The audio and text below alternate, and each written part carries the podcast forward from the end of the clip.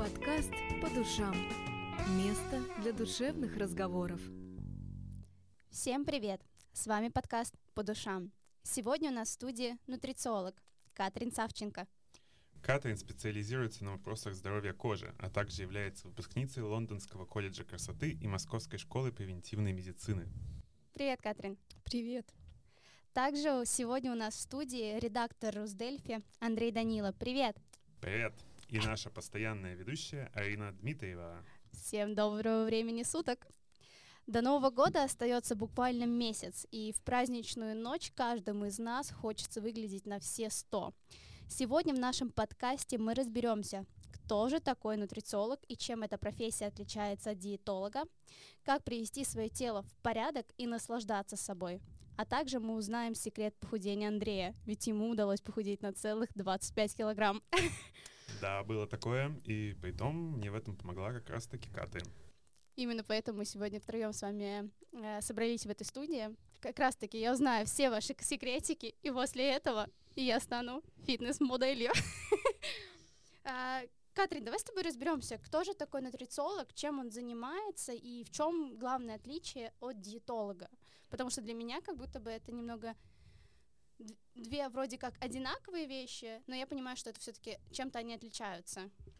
На самом деле нутрициолог — это волшебный человек, который знает а, буквально, мне кажется, каждую деталь о питании, да, и именно о ежедневном питании человека относительно здорового человека. И вот здесь есть э, самое основное отличие от диетолога в том, что диетолог работает у нас в основном с людьми с определенными заболеваниями, uh-huh. и его цель это назначить человеку диету, определенную, определенный протокол, который поможет ему избавиться от определенной болезни да, то есть это люди, которые все-таки обращаются а, при серьезных заболеваниях.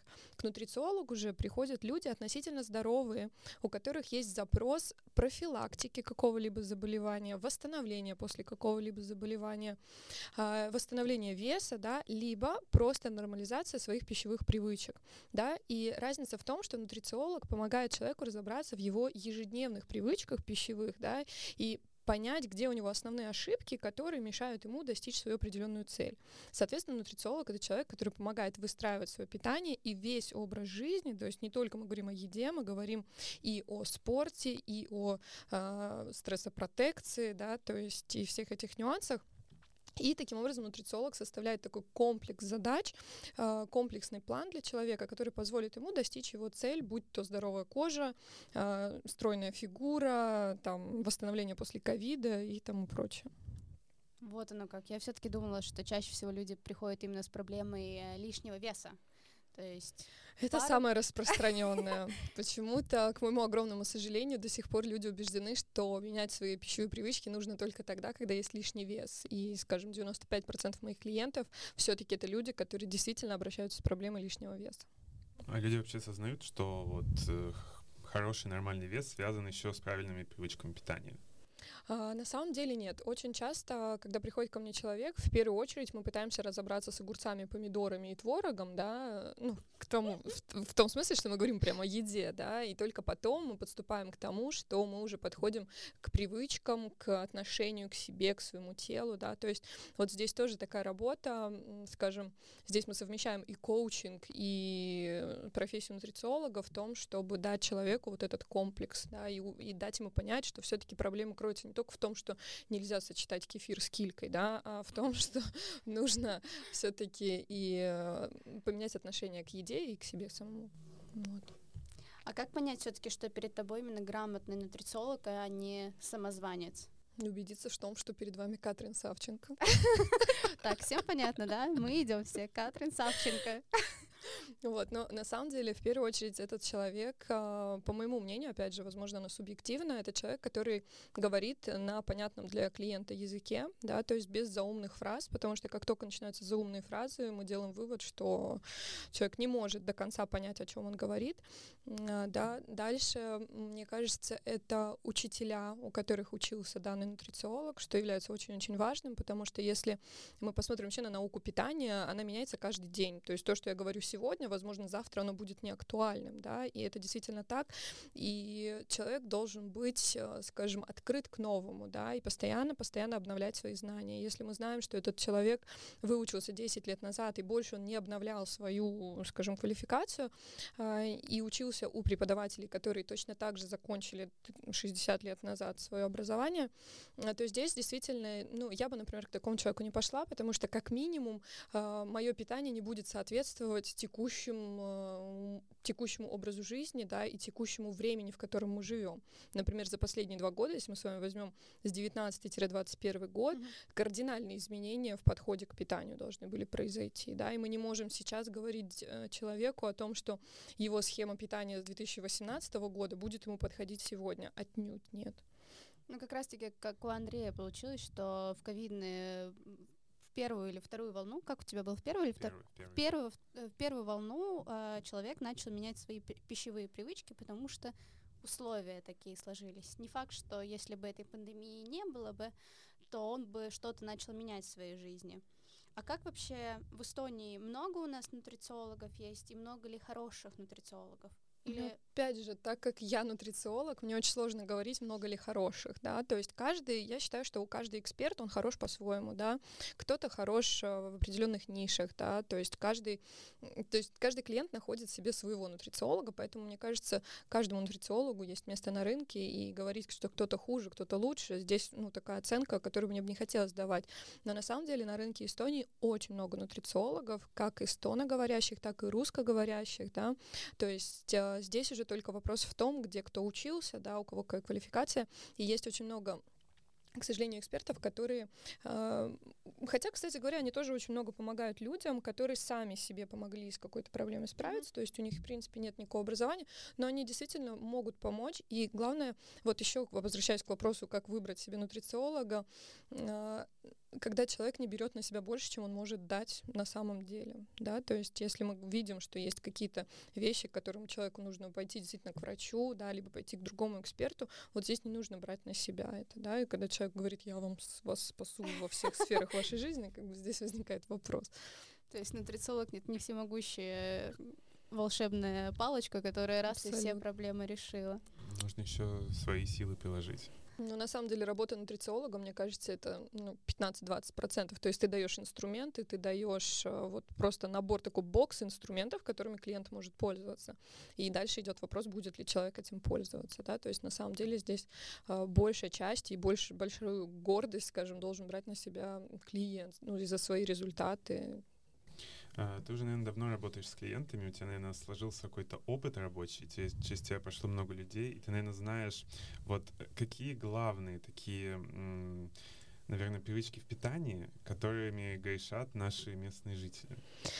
Ох, ну, на самом деле, мне тяжело говорить прям только про местных, потому что я работаю mm-hmm. на международном рынке, у меня есть клиенты во многих странах, э, включая даже Америку, но, честно сказать, ну, это все равно русскоязычный народ, поэтому mm-hmm. давайте возьмем такой комплекс русских людей. Самое первое, это вот э, чем все грешат, до сих пор у всех есть миф про кефир на ночь. Вот кефир на ночь до сих пор все очень любят пить э, и действительно не понимают, к каким проблемам это может привести. Вот, а это самая первая, э, такая самая распространенная, наверное, история. Вот. Ну и вторая ошибка очень многих людей, так как, э, если мы возьмем даже Эстонию, в Эстонии очень много маркетинга направлено именно на ЗОЖ, на правильное питание, mm-hmm. и клиенты по незнанию, по неопытности своей, да, приходят в магазин и очень часто э, попадаются на вот эти уловки, там, с зелеными буквами что-то написано, или там написано sugar free, да, зелеными буквами, или там вот вчера я видела халву, на которой было написано стевия большими буквами, зеленым цветом, думаю, интересно, я переворачиваю этикетку, а там, извините меня, помимо этой стевии, пальмового масла полно, да, там фруктозного сиропа какого-то, то есть такие вещи, и вот э, у нас в Эстонии очень много людей, которые ведутся на вот эти вот э, такие фитнес-продукты, которые таковыми не являются, к огромному сожалению. Ну вот, наверное, основные такие вещи, то есть это вот кефир, это вот эти вот э, маркетинговые, скажем, уловки.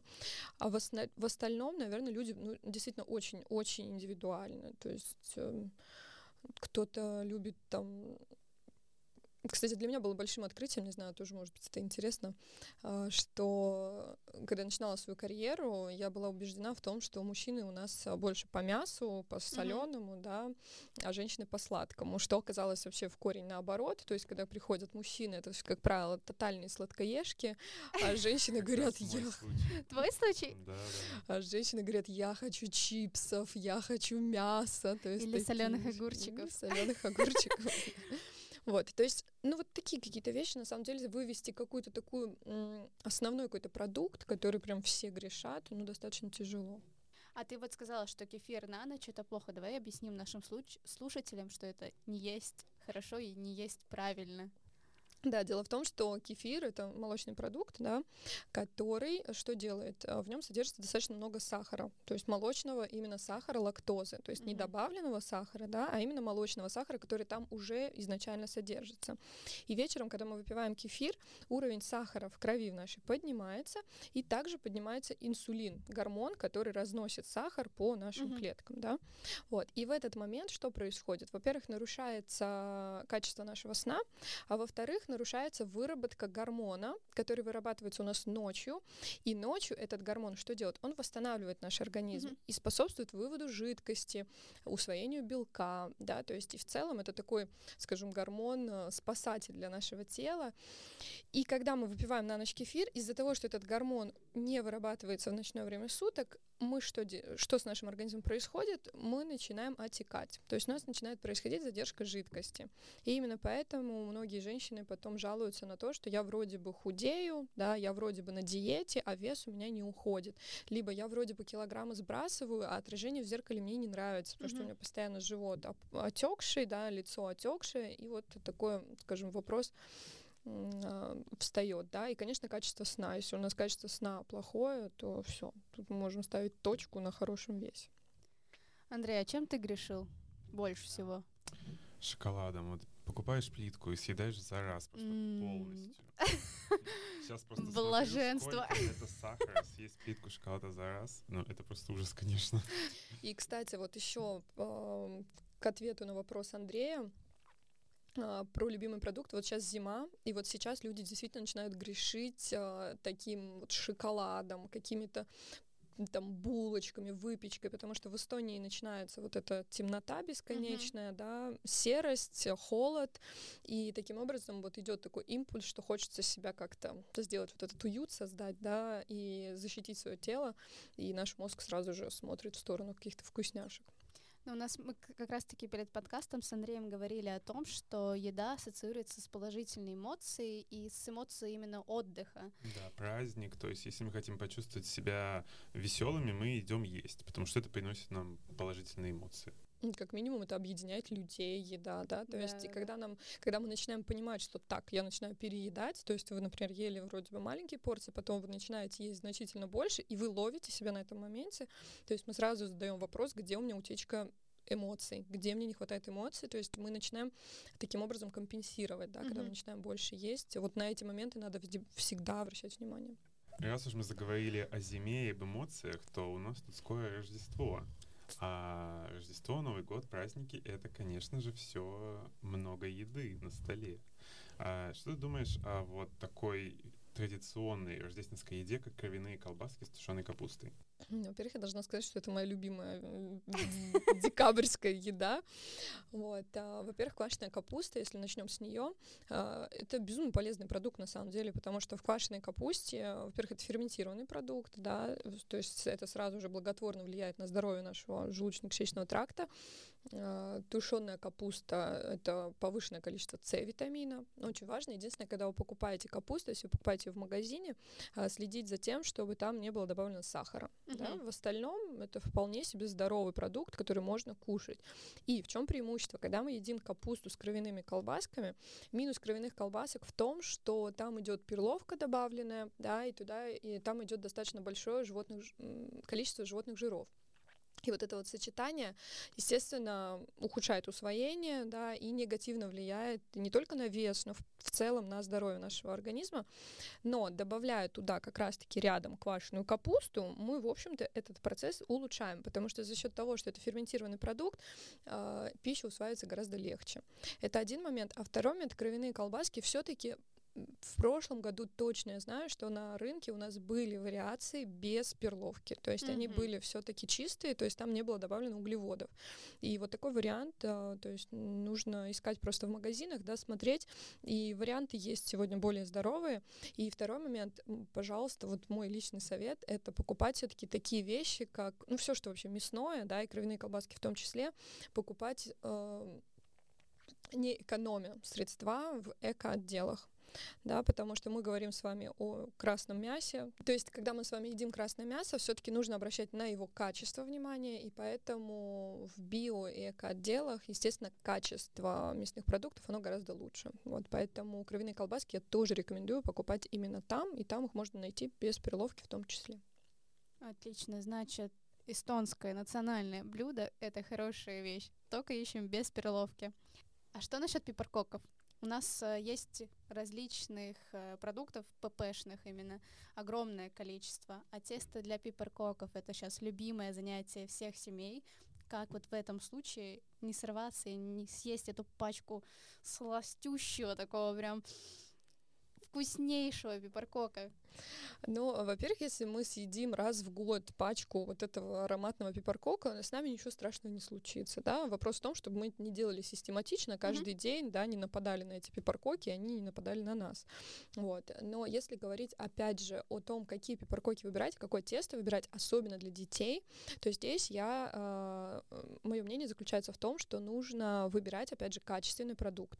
То есть здесь должно быть минимальное количество ингредиентов, да, нужно смотреть на то, чтобы там не было красителей каких-то, да, стабилизаторов, э, чтобы там не было пальмового масла. То есть, mm-hmm. опять же, мы идем с вами туда, где продают качественные продукты. В наших крупных магазинах, да, сетевых, э, сейчас, в принципе, во всех практически предлагают варианты теста, которое сделано всего лишь там из нескольких ингредиентов, mm-hmm. то есть оно натурально. И вот здесь просто родителям, которые готовят с детьми вот эти пипаркоки, это прекрасное занятие, да, э, лучше приобретать именно в магазинах те вариации теста, в которых минимальный набор ингредиентов. То есть здесь даже не нужно заморачиваться заморачиваться над тем, есть ли там сахар, пшеничная мука, они все равно там есть, да. Uh-huh. То есть если родитель хочет прям заморочиться, то можно пойти в опять же, в отделы эко, там есть сегодня из миндальной муки вариации, можно поискать рецепты в интернете, их сегодня очень-очень много, и есть действительно пипаркоки из миндальной муки, э, и там добавляются все специи, да, и готовятся здоровые пипаркоки, но если же мы не хотим очень серьезно заморачиваться над этим, да, то мы можем взять даже там, где есть сахар и пшеничная мука, но там не будет маргарина, и там не будет пальмового масла и прочих химических элементов. Отлично. Теперь я буду знать, что делать с братом. Потому что мой брат обожает печь пиперкоки и их украшать. А, кстати, по поводу пиперкоков, там же еще есть глазурь. Вот, это важно. Что Глазу... с ней делать? На самом деле, если делаем натуральную глазурь, сегодня, во-первых, продают глазурь без сахара, uh-huh. да. Во-вторых, ее очень просто делать. Мы берем яичный белок, мы берем э, эритритол, это натуральный подсластитель, да, uh-huh. и покупаем натуральные пищевые краски. Они сегодня продаются прям в отделах э, кулинарии, mm-hmm. да, и только они должны быть тоже натуральные, у нас не химические. Все это мы замиксовываем и готовим, в общем-то, глазурь. То есть это не сложно, это не занимает какое-то большое количество времени. И продаются уже готовые, на самом деле, варианты здоровой, здоровой глазури в Таллине. То есть в этом случае мы должны быть благодарны нашему государству за то, что у нас все-таки очень много местных производителей, которые заботятся о здоровье нашем. Ну да, сейчас все чаще и чаще стало замечать, что у нас есть как раз-таки такие продукты различные. Например, у нас сейчас в магазинах очень много мясной продукции с такой пометкой «фитнес». Uh-huh. Э, всякие колбаски, всякие рулетики мясные, даже пельмени есть. Вот как ты думаешь, это... Что ты как считаешь, это действительно фитнес-продукты или это просто такая этикетка? А, если я сейчас включу критика своего, да, то однозначно это просто этикетка, да, то есть очень много продуктов, в которых все равно входят э, несочетаемые вещи, да, между собой. Очень, э, если мы говорим с вами о мясе в маринаде, э, то мы сразу с вами можем сделать вывод, что это не самый полезный продукт, потому что, ну, сто процентов производитель в своих интересах использует там определенные химические элементы. Это, во-первых. Во-вторых, очень часто мясо, например, маринуют в каких-то молочных, э, mm-hmm. в йогурте, э, то есть в молочных каких-то продуктах, таких как йогурт, там, кефир. Э, и здесь идет несочетание совершенно, то есть нельзя мясные продукты мариновать в молочном. Это не органично для нашего тела. Вот. Но если выбирать между тем, чтобы человек съел обычные сардельки, либо он выбрал все-таки э, те, что с пометкой фитнес, э, сегодня я анализировала вот эти продукты фитнес, и все-таки те, кто э, те продукты, которые мясные, они действительно более натуральные, чем обычные сардельки и сосиски в магазинах, да. Поэтому все-таки, если ставить э, на выбор выбрать это либо, э, то есть простые сардельки, mm-hmm. да, либо выбрать фитнес, мы все-таки возьмем фитнес, да. Вот. Но если выбирать между тем приготовить маринад самой, либо купить фитнес, то все-таки мы готовим сами, да. И, конечно, если выбирать между тем, кормить ребенка, например, сардельками, там, да, сосисками, какими-то уже готовыми, то здесь я действительно противник этого, потому что дети привыкают к этому яркому вкусу, и потом родители очень часто приходят и жалуются на то, что мой ребенок ничего не ест. Да? Если мы хотим, чтобы он ел, то нужно все-таки ребенка приучать к минимальным вот этим вот вкусовым ощущениям, да, чтобы у него свои вкусовые рецепторы были здоровые, и он мог наслаждаться там натуральным мясом, да, или птицей, или ну, какими-то натуральными вещами. Вот, поэтому не все то золото, что блестит, и на самом деле все вот эти вот фитнес-продукты нужно быть внимательными, и все-таки всегда читать составы, потому что если мы возьмем с вами всем известные фитнес-мюсли, uh-huh. а, в которые входит сахар, фруктоза, огромное количество пшеницы, возникает вопрос, как, о каком фитнесе здесь идет речь, да, вот, поэтому точно так же и с мясными продуктами, то есть это лучше, но это тоже не very good, вот, поэтому просто нужно быть более внимательными и уметь читать этикетки, вот что очень важно. А есть какие-то вещи, которые считаются полезными для похудения, но на самом деле имеют обратный эффект? Чего ну, стоит опасаться? Кефир. Опять же, кефир. Всеми ненасытный кефир. Кефир прям главный бич человечества. Я, кстати, никогда в своей жизни не любила кефир. Я прям я не могла его никогда пить, когда мама такая, ну давай, ну выпей ты этого кефира. А я говорю, да не могу я этот кефир пить. Единственное, мне понравилось, которые э, фруктовые у нас были, но это, понятное дело, там одни сахара. А ну вот скажи, что хуже, все таки кефир или молоко? Потому что вы тоже говорят всегда, пейте, дети, молоко, будете здоровы. Молоко. Ну, потому что здесь разница в чем? А, кефир это все-таки хотя бы ферментированный продукт, то есть он уже более приспособлен к тому, чтобы он усвоился, в то время как молоко это вообще нет, да, то есть современное молоко нужно понимать, что это не молоко, да, а, совершенно mm-hmm. это не тот продукт, который нужно давать сегодня детям, и если говорить о кальции, у многих сейчас сразу мог возникнуть, а как же кальций? Я сейчас вам открою большую-большую тайну, что кальция в молочных продуктах, в принципе, он там есть, но в нашем организме он не усваивается. И у меня был не один э, реальный случай клиентов, когда человек регулярно пьет молочное молоко, да, ест, употребляет в пищу молочные продукты, а, мы сдаем анализы, и кальций у нас, в общем-то, находится в дефиците, да. А, почему так происходит? Потому что на усвоение молочного белка, который содержится в молоке в том же mm-hmm. самом, да, уходит тот же кальций, который содержится у нас в молоке. То есть один на один. Но если мы регулярно пьем с вами молоко, происходит накопительный эффект, и организму не остается ничего, кроме как черпать свой собственный кальций из организма да, для усвоения этого самого молочного белка. Вот, поэтому это огромное-огромное заблуждение, огромный миф, и кальций действительно с молочных продуктов у нас плохо усваивается. Вот. А если молоко без лактозы? Не имеет значения. Здесь мы говорим именно о казеине, это молочный белок, uh-huh. а лактоза это молочный сахар. То есть, если выбирать выпить с лактозой без лактозы, конечно, лучше выпить без лактозы, а лучше взять растительное молоко, такое как кокосовое, миндальное, овсяное, да, или какие-то другие вариации. Я, кстати, слышала, что их очень достаточно легко дома сделать. Просто Абсолютно. там отмочить в воде и выж... сделать эту, из этого выжимку. На самом деле все гораздо проще. То есть мы действительно должны замочить орехи, например, миндаль, мы его замачиваем на ночь в холодильник. То есть мы заливаем водой, туда желательно добавить немножечко лимонного сока. Все это оставляем в холодильнике, и утром мы взбиваем в блендере с отдельной чистой водой, да, мы взбиваем в блендере э, вот этот вот миндаль, и все, у нас получается молоко. Только мы потом отжимаем тогда миндаль, мы убираем, да, через сито или как-то, а, и у нас остается чистое молоко. Ну, естественно, срок хранения у него очень-очень низкий, то есть это такая, скажем, одноразовая акция. Но сегодня на рынке тоже есть очень много вариантов а, молока растительного с хорошим составом, без сахара, без каких-то добавок, то есть вполне себе сегодня все это доступно. А у меня был такой вопрос. Почему кто-то ест все абсолютно и не толстеет, а кто-то увидит там плюс на следующий день от одной съеденной шоколадки. Здесь играет роль генетика, здесь играет роль окружающая среда, твой, твой образ жизни кто здесь виноват? Здесь на самом деле все в комплексе, да. А, начнем с последнего, начнем с генетики, да, то, что ты сказала. Генетика, конечно, она играет роль везде. Она играет роль э, в абсолютно каждой нашей сфере, особенно касаемо нашего здоровья. Но есть такое понятие и наука, как эпигенетика. И уже доказанный факт, что даже люди с одинаковым кодом, да, э, то есть с определенными генетическими вот этими нарушениями, ведя разный образ жизни и контролируя какие-то определенные процессы в своем организме, у одного будут генетические заболевания, у второго ни одного проявления генетических заболеваний не будет.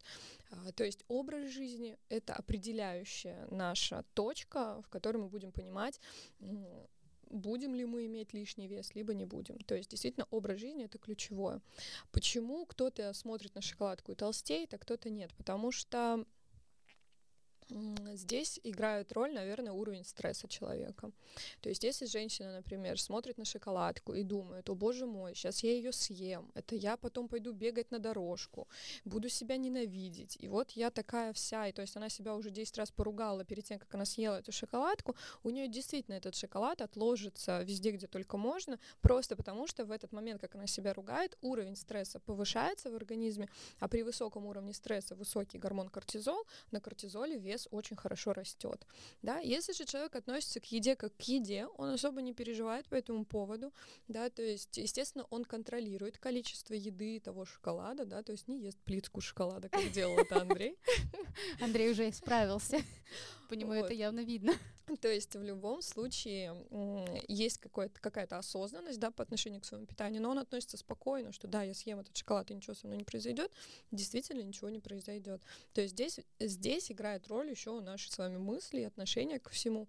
И нужно понимать, что если мы говорим с вами, например, о вредной еде, то ее нужно есть тогда, когда нам хорошо да, когда мы не стрессуем, когда мы не заедаем, да, uh-huh. когда мы просто вот нам хорошо, у нас все хорошо, и мы пошли съели пасту там, да, и то есть все в порядке. Если же человек думает о том, что, боже мой, мне плохо, у меня нет настроения, единственное, что мне поднимет настроение, это паста, все, это дорога в никуда, да, то есть вот эти моменты нужно отслеживать, и это одна из причин, почему кто-то набирает вес, а кто-то нет.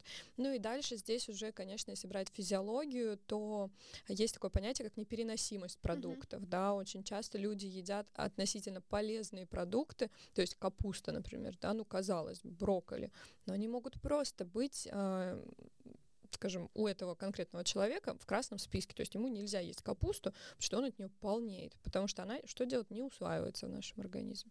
Вот. То есть вот эти моменты тоже физиологии здесь. И если есть какие-то нарушения, например, Опять же, щитовидной железы, да, тоже человек быстрее полнеет.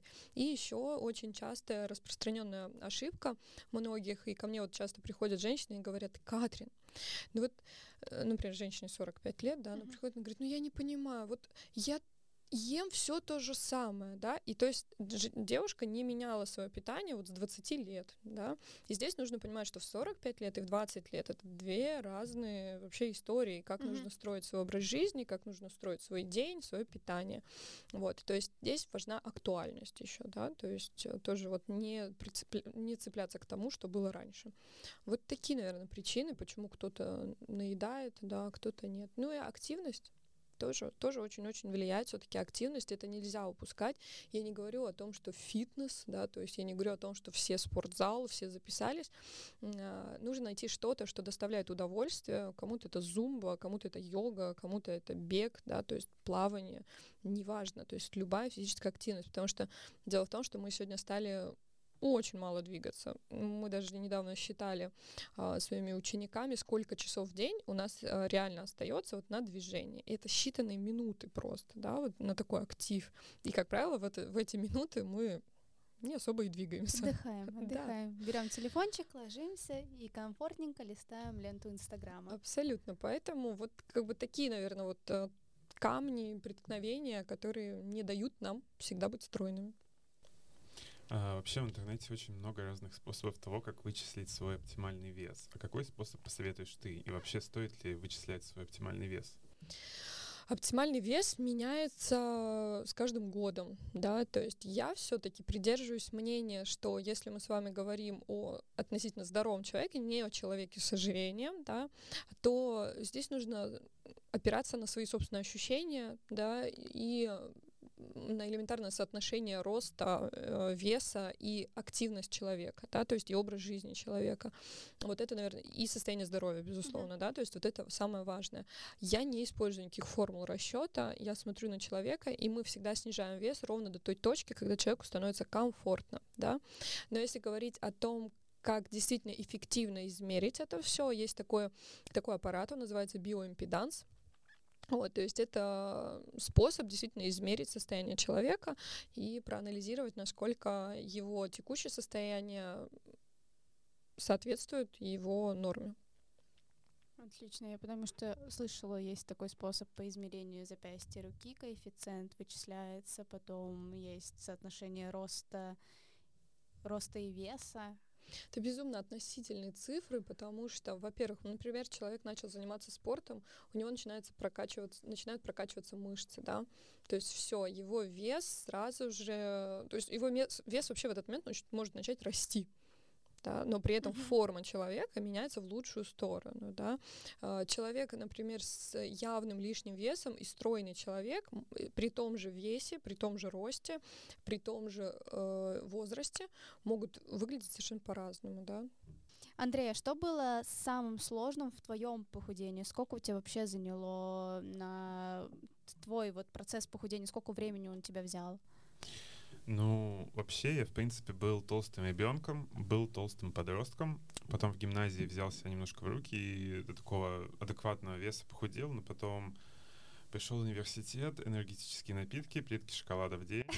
И это все дало о себе знать. Самое сложное было себя заставить это сделать, потому что объективно лень — это очень сильно. Ты сидишь, думаешь, ну, ну не нравишься себе, ну так лень вот встать с дивана и что-то сделать. Завтра. Так, так не можешь заставить себя отказаться от этой плитки шоколада. Думаешь, ну вот съешь кусочек. Нет, ешь всю плитку. Вот, поэтому у меня просто, наверное, сложились очень хорошо обстоятельства, что после операции я не хотел есть определенное время и немножко похудел из-за этого. И потом подумал, блин, ну как-то может продолжить это. И вот мне моя жена посоветовала обратиться к Катrin, потому что до этого брала у нее детокс-программы mm-hmm. очень хорошие. И я пошел на консультацию. И это было, по-моему, в конце февраля. И, в принципе, сейчас и я тогда, вот в тот день, я специально взвесился с утра перед тем, как пошел катин, я весил 101,6 килограмм, эм, 101,6. И потом к июлю, в принципе, я скинул до 76. Вот, ушло 25 килограмм за это время, то есть это где-то 5 месяцев мне за это ушло. В принципе, с июля у меня сейчас вес 76 держался, я немножко расслабился, и больше он не уходит пока что. Мне Но кажется, Андрей... больше уже и не надо. Андрей кардинально изменился, конечно. Это очень приятно видеть э, результаты своих клиентов. Спасибо, приятно слышать. Все комплименты, которые всегда говорят, это тоже твоя заслуга. Спасибо, мне очень приятно. Я скоро к тебе тоже приду. Я жду. А ты вот сказал, что ты был толстым ребенком, толстым подростком. А как ты думаешь, это больше связано с какими-то психологическими проблемами, либо это все-таки просто ты ел, потому что ты хотел есть? Я не думаю, что там были психологические проблемы. Просто, во-первых, генетика, предрасположенность к быстрому набору веса. Когда ты не следишь за тем, что ты употребляешь каждый день в пищу, то есть это накапливается как такой снежный ком. Тебе сначала вроде не кажется, что ты толстеешь, но Мгм. с месяцем становишься все больше, и больше, и больше, и больше. Так постепенно, незаметно. Потом, упс, и весы уже перевалили за сотню. Вот, и плюс у меня были такие, наверное, не очень удачные, не очень удачный опыт с диетами. У Мгм. меня один раз была, последний раз, когда я пытался похудеть до, вот, до этого года, где-то, наверное, пять лет назад, когда я начал приближаться к сотне, я запаниковал и нашел какую-то диету, где почти ничего не ешь неделю, что-то там творог, гречку, а некоторые дни чисто зеленый чай пьешь. Ну и, в общем, за неделю, конечно же, я похудел, по-моему, скинул там, не знаю, чуть ли не 6 килограмм. А, но потом, после этого, я разожрался, и вес уже перевалил за сотню очень быстро. Так что такие вещи бывают очень опасными. Очень, то есть любая диета это всегда это всегда заканчивается срывом, потому что здесь срабатывают э, наши ин- просто интуитивное вот это, скажем, состояние человека, когда он понимает, что голод у меня был тотальный голод, Мгм. да, и все, и человека срывает, и все диеты всегда заканчиваются очень плохо, поэтому вот и важно найти вот этот баланс какой-то, подобрать грамотную стратегию и по ней двигаться. Ну, экстремальные диеты — это тоже нездоровое питание, в принципе. Это Абсолютно, стресс да. для организма, и который после этого организм восполняет этот стресс Да, всем да, да. Абсолютно, да. И очень часто, когда мы прибегаем к таким диетам, мы же не учитываем вообще свое состояние здоровья на данный момент, Мгм. да. И мы просто вот у меня есть цель, я к ней пру как танк, Да, да, и да. в итоге этот танк разваливается просто. И я не знаю ни один такой случай, когда мы восстанавливаем здоровье после похудения. И это не есть норма, да. Я почему вообще спросила про психологический или какие-то просто физический голод? А, у меня просто была история, когда я занималась, допустим, танцами, и у нас был один танец. Костюм был а просто топик и шортики. А это был ну, лет 12-13, может быть, 14. То есть там практически голое тело, и как раз-таки в тот момент начинается половое созревание. И на концерте была моя мама и моя тетя. И тогда тетя сказала моей маме, ой, а у Арины тут животик растет. И все, я, я этот момент настолько ярко запомнила, что теперь для меня мой животик — это моя главная проблема. Но на самом деле нужно понимать, что подростки действительно для них это очень сложный период. И в этот период идет перестройка тела. И это нормально, что у девочек висит животик. Это нормально, что где-то там бока появляются, потому что тело формируется, и оно проходит вот эти разные этапы трансформации.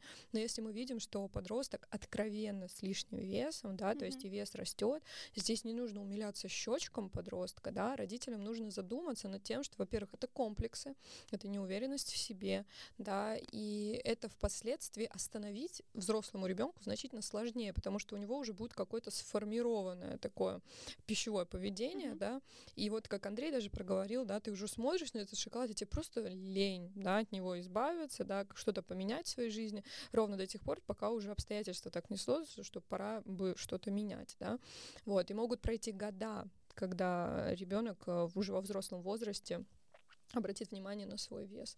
Вот, поэтому, конечно, я за то, чтобы в подростковом возрасте ни в коем случае не говорить детям о том, что у них лишний вес, а, так вот, как это сказали тебе, да, потому что это действительно наносит травму, и потом это постоянная такая мыслемешалка в голове, которая ни к чему хорошему не приведет, но в то же время нужно обращать внимание, насколько здоров вес ребенка и принимать меры. Но я как раз-таки не скажу, что я была прям полненькой какой-то. Я не была полненькой. Я была худой девочкой, у которой просто появился животик. Ну вот это еще, кстати говоря, сегодня очень актуальная проблема, потому что есть определенный стандарт, да, и так, видимо, у твоей тети был тоже какой-то в голове определенный стандарт, которому Видимо, должна да. была ты соответствовать, да. А сегодня девочки сами себе рисуют эти э, стандарты, потому что есть Инстаграм, потому что есть э, ТикТок, и мы видим вот эти образы, да, и эти образы формируют у девочек большие комплексы и проблемы. Сегодня, кстати, анорексия, булимия, это вообще, это модно быть, э, в общем-то, вот это вот все придерживаться этим всем болезням. Это мода у сегодня у подростков, а к огромному сожалению. Так себе перспектива, если честно. Пищевое расстройство действительно страшно, и всегда, когда ты пытаешься похудеть, нужно, конечно же, различать грань между, ну, как бы здоровым питанием и нездоровым питанием, потому что нездоровое питание, оно может вылиться и действительно в булимию, анорексию, и в другие еще более нездоровые привычки, чем были до этого. Абсолютно, да. Андрей, я знаю, что сейчас ты стал чаще готовить, и ты даже со мной заделился рецептиком а, вкусного чизкейка, ППшного, без сахара. А, как было раньше? Ты любил раньше готовить, либо ты как-то так очень редко бывало что-то приготовил? Ну, вообще, раньше я очень любил готовую еду в магазине. Но сейчас я почти ее не покупаю, потому что, во-первых, что у нас готовое в магазине? Продаются котлеты, пюре, картошка, всякие салаты с соусами, макароны. А это все не полезно. Поэтому приходится готовить самому, что поделаешь.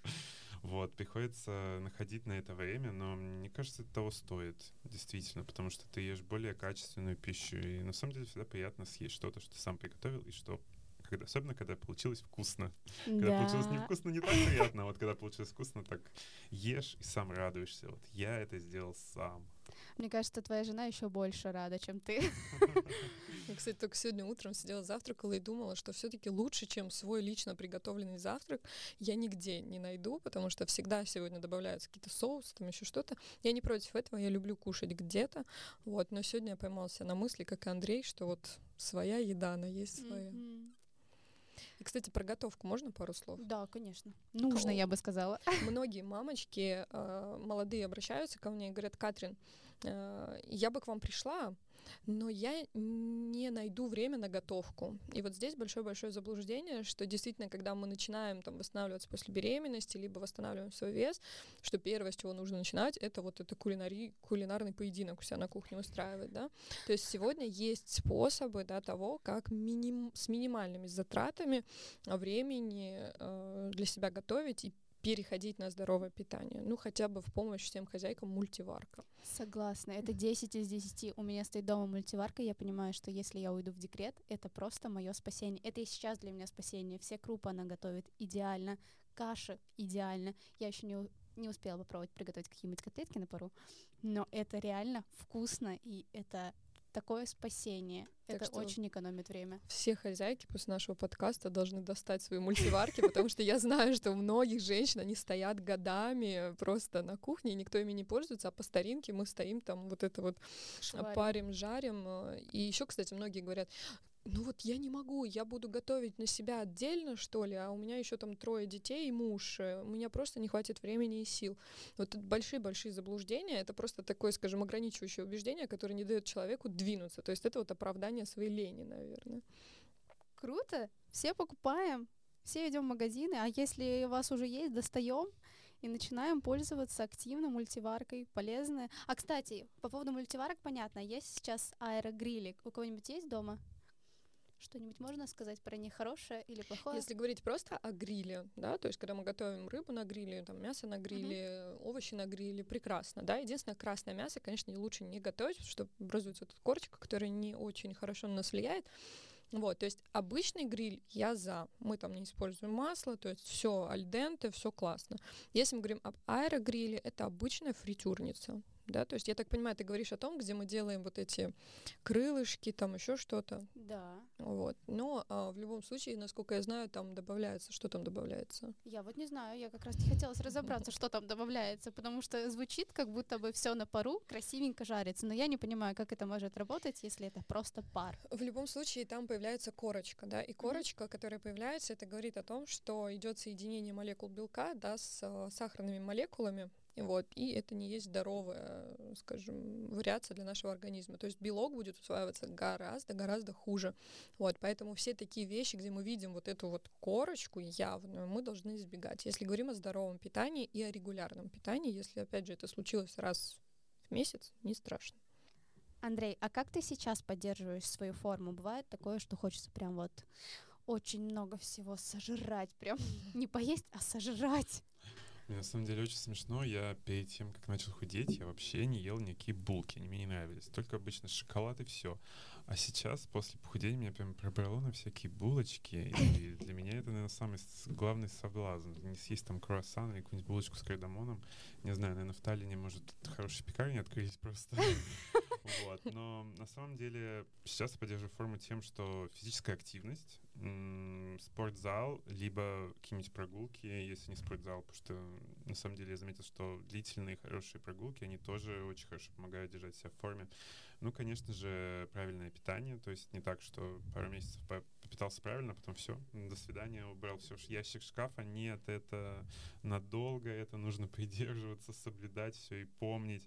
Конечно, иногда позволять себе что-то неполезное, но в разумных как в разумном количестве, не перебарщивать, опять же, не на ночь. Не знаю, на ночь мне на самом деле очень легко себя сдерживать. У меня жена любительница заказать хесбургер вечером и съесть его у меня на глазах. А, ну, не знаю, я держусь, мне нормально.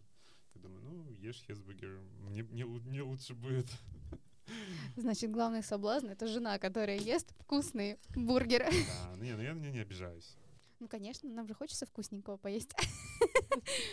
А, Катрин, посоветуй какой-то, может быть, универсальный совет нашим э, слушателям. Что-то, что их могло бы спасти сейчас.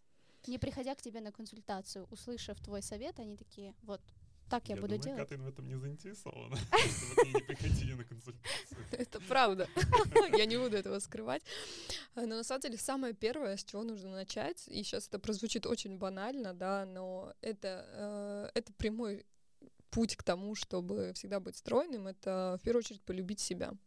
Потому что когда человек любит себя, он избирателен в том, что он ест, сколько он ест, как чувствует себя его тело, как он чувствует себя, да, потому что человек, который себя любит, он не позволит себе находиться в большом весе просто потому, что ему будет тяжело. Ему будет тяжело, ему будет не нравиться, как он выглядит, ему будет не нравиться, как ему он одевается, да, ему будет не нравиться он сам на фотографиях, uh-huh. да, и большой-большой перечень. И, конечно же, мы говорим о внутреннем состоянии организма, нужно осознавать, что анализы тоже не всегда самые хорошие, когда у человека начинает расти вес, да, там более 5-7 килограмм. Вот, поэтому нужно полюбить себя, и тогда с этого все начинается. Тогда приходит выбор того, что теперь я готов или готова что-то менять в своей жизни. Андрей, а что можешь посоветовать ты? Я могу посоветовать э, не объедаться на праздники в первую очередь, а то точно придется уже потом что-то делать.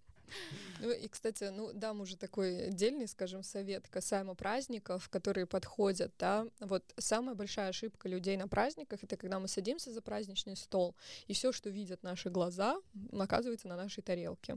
Вот здесь нужно включить немножечко внутреннего контролера, да, и проанализировать все, что есть на столе, и выбрать для себя, что я сейчас больше хочу. Если человек, например, выбирает, что сегодня будет день мяса, да, то он выбирает мясные салаты, мясо, да, и все в этом духе. Если же человек выбирает что-то рыбное, то есть он берет только рыбные салаты, mm-hmm. он берет рыбные закуски и, в общем-то, рыбу, да, то есть не миксовать вот в эти праздники, которые сейчас грядут, не миксовать все в своей тарелке, да, и быть осторожным с алкоголем, то есть тоже здесь разделять это и не пить коктейли, пить чистые качественные напитки, точно так же, как есть чистую качественную пищу. Спасибо вам большое. Было очень интересно, познавательно. Я для себя очень много интересных вещей э, вынесла. И мне кажется, мы еще с вами поболтаем на какие-то отдельные темы. Спасибо ваш, нашим слушателям за то, что вы нас послушали, дослушали. Надеемся, что для вас этот подкаст был таким же полезным интересным. С вами был подкаст «По душам». До новых встреч! Подкаст «По душам» Место для душевных разговоров.